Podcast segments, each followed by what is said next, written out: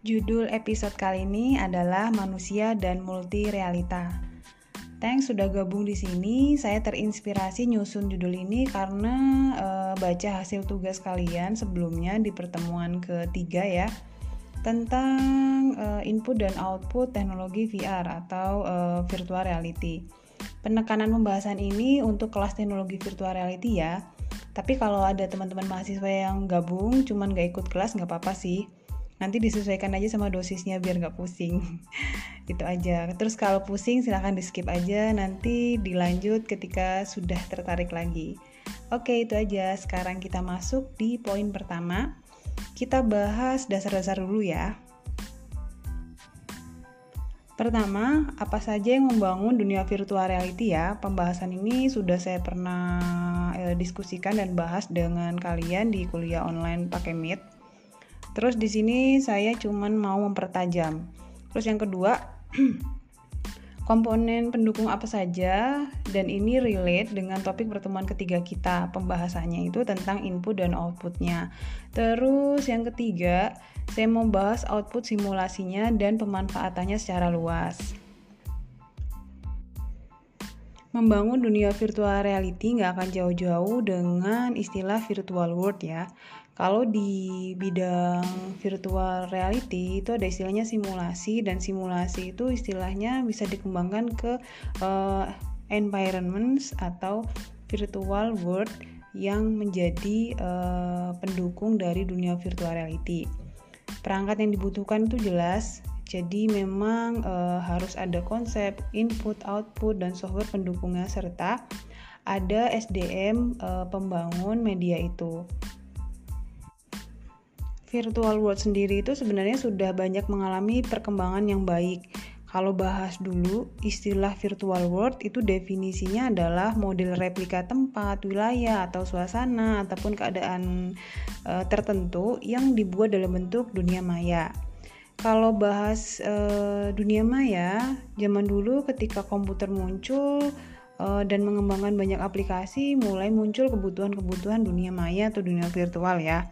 Seperti uh, mulailah muncul penyedia aplikasi grafis, kemudian muncul lagi perangkat sistem operasi yang berfokus dengan grafis, kemudian mulai lagi semakin berkembang kebutuhan user interface dan grafik user interface saat ini. Semua itu muncul berkat perkembangan komputer dan perangkatnya yang terus berkembang saat ini.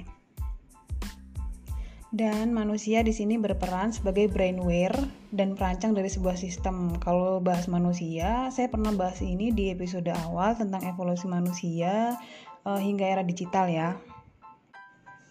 Di dalam komputer itu sendiri, rekayasa media itu diolah secara komputerisasi. Virtual world dibangun dari pemodelan dua dimensi maupun tiga dimensi. Kalau kita bahas materialnya dari virtual reality, kita berarti bahas uh, pemodelannya dan jelas itu hubungannya dengan pemodelan tiga dimensi. Arti dari pemodelan itu sendiri itu adalah proses membentuk suatu benda atau objek untuk membuat dan mendesain objek hingga terlihat seperti nyata sesuai dengan objeknya ya. Proses ini secara langsung dikerjakan e, secara tiga dimensi oleh komputer. Jadi e, memang tidak mungkin terlepas dari kebutuhan komputer dan pemrosesan komputer. Melalui konsep dan proses desain, keseluruhan objek bisa dilihat secara tiga dimensi, sehingga banyak nyebut hasil ini e, istilahnya adalah hasil pemodelan tiga dimensi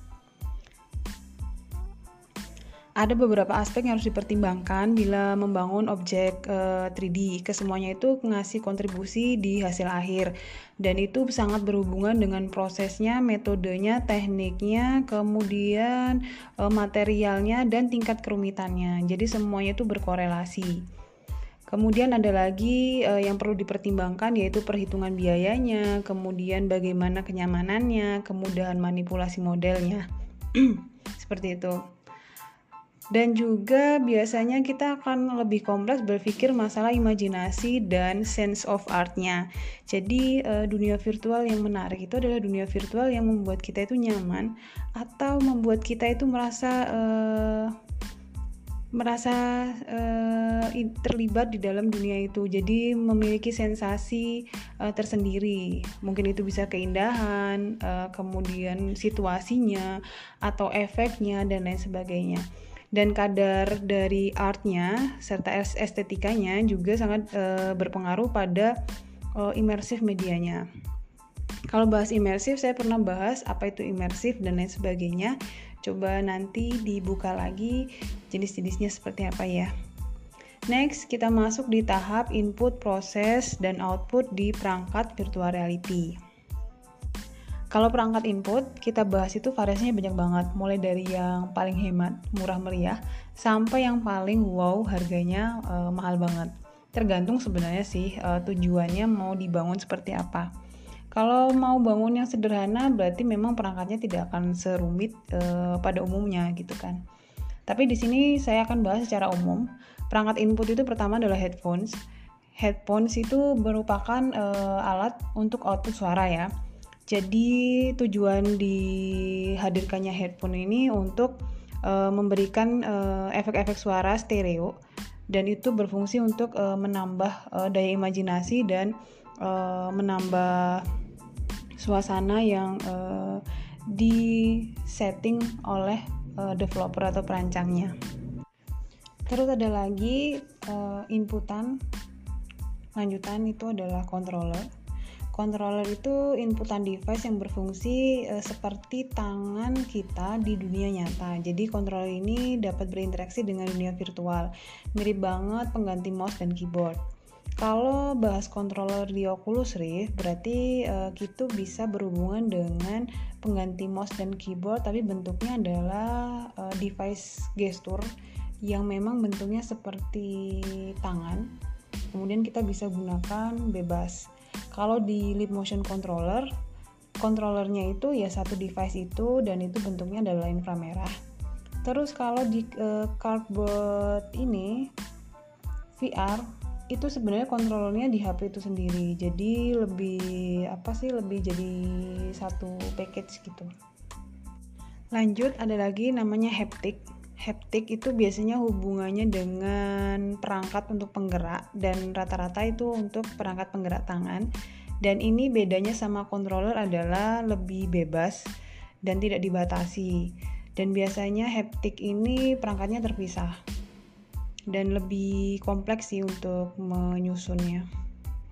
Terus ada lagi Lighthouse. Lighthouse itu inputan device VR yang menggunakan inframerah. Terus itu fungsinya untuk melacak gerak dan posisi pengguna VR. Jadi kalau mau ini e, bergerak dan terekam itu kita harus e, berada pada posisi yang pas yang bisa terlihat secara langsung oleh dua lighthouse ini. Kalau di VR itu ada dua tapi ini hanya ada di perangkat Oculus Rift ya yang lainnya biasanya itu perangkatnya bisa otomatis ada dan itu jadi satu sama device-nya kalau di Leap Motion Controller dia memang bentuknya juga inframerah dan itu punya koordinat uh, deteksi yang nggak bisa jauh dari satu meter kalau udah satu meter berarti memang lemah jadi jadi deteksinya lemah maksud saya Selanjutnya itu mikrofon. Mikrofon itu umum, udah tahu ya itu inputan suara. Kalau di headset pada umumnya, mikrofon pada umumnya yaitu untuk merekam suara, mendengar suara. Kalau di VR itu untuk stereo mendengarkan suara atau efek-efek tertentu. Dan biasanya itu butuh inputan suara lagi. Jadi kita udah berpikirnya editing audionya ya. Di proses grafisnya maksud saya. lanjut lagi inputan uh, eh, VR giroskop namanya itu adalah uh, inputan untuk deteksi rotasi pengguna jadi uh, giroskop ini berfungsi untuk mengetahui posisi pengguna untuk bisa berotasi dan bisa bermain di dalam dunia virtual. Kalau di pemodelan 3D giroskop ini hubungannya sama gravitasi kamera atau bisa gravitasi usernya dan itu bisa disetting untuk e, mengikuti gravitasi yang normal. Dan itu biasanya ada yang diprogram atau bisa jadi sudah ada add-onsnya jadi tinggal digunakan tergantung nanti device-nya mau seperti apa bisa mouse, keyboardnya, dan lain sebagainya. Dan banyak banget mereknya, istilahnya, kemudian variasi perangkatnya. Ada yang masuk di Samsung Gear, kemudian di Kinect, kemudian di Xbox 360, dan lain sebagainya. Seperti itu. Lanjut di perangkat output virtual reality ya. Kalau perangkat output memang e, bagus. Ini ada yang sudah bisa menyebutkan tiga proses besar, tiga perangkat besar maksud saya. Pertama itu adalah uh, visual display, kemudian haptic display sama audio display. Kalau visual display udah kelihatan hubungannya sama pemrosesan atau eh, hal-hal uh, yang berhubungan dengan visual. Kalau di VR, kalau kemarin saya bilang tiga model, satu adalah Oculus Rift, kedua itu adalah Leap Motion, ketiga itu adalah Google ini Cardboard itu berarti masuk di visual display-nya itu adalah kacamatanya atau 3D glasses-nya. Atau bisa jadi head mounted display-nya. Atau bisa jadi kalau masuknya di desktop berarti surrounding display-nya Nah, jadi perangkat input itu pasti ada korelasinya dengan output VR. Kalau inputannya itu hubungannya dengan visual display tadi berarti hubungannya dengan tampilan uh, dari alat itu. Jadi keluarannya seperti apa? Seperti yang sudah saya sebutkan tadi. Sekarang kita bahas di haptic. Haptic itu keluarannya itu adalah efek-efek tertentu, biasanya sih getar, kemudian sensor sensasi sensor sesuatu gitu ya yang berhubungan dengan uh, gerakan atau berhubungan dengan uh, efek-efek tertentu yang sudah disetting di simulasinya. Jadi haptic display-nya itu sebagai pembaca dari apa yang sudah disetting. Nah, kalau yang output untuk audio display ya umum. Jadi ada tadi headphone, kemudian mikrofon, dan outputnya bisa jadi dibantu alat speaker. Tergantung nanti uh, keluarannya seperti apa. Tetap kembali lagi di proses inputnya seperti apa dan uh, konten serta editing yang seperti apa. Jadi semuanya itu saling korelasi ya, saling korelasi maksud saya. Yes, itu aja sih. Nanti saya mau bahas di episode selanjutnya, tetap di multi realita untuk mata kuliah VR. Tapi saya akan bahas uh, lebih spesifik tentang pemrosesan grafis dalam komputer untuk uh, teknologi virtual reality. Sekian dulu dari saya, thank you.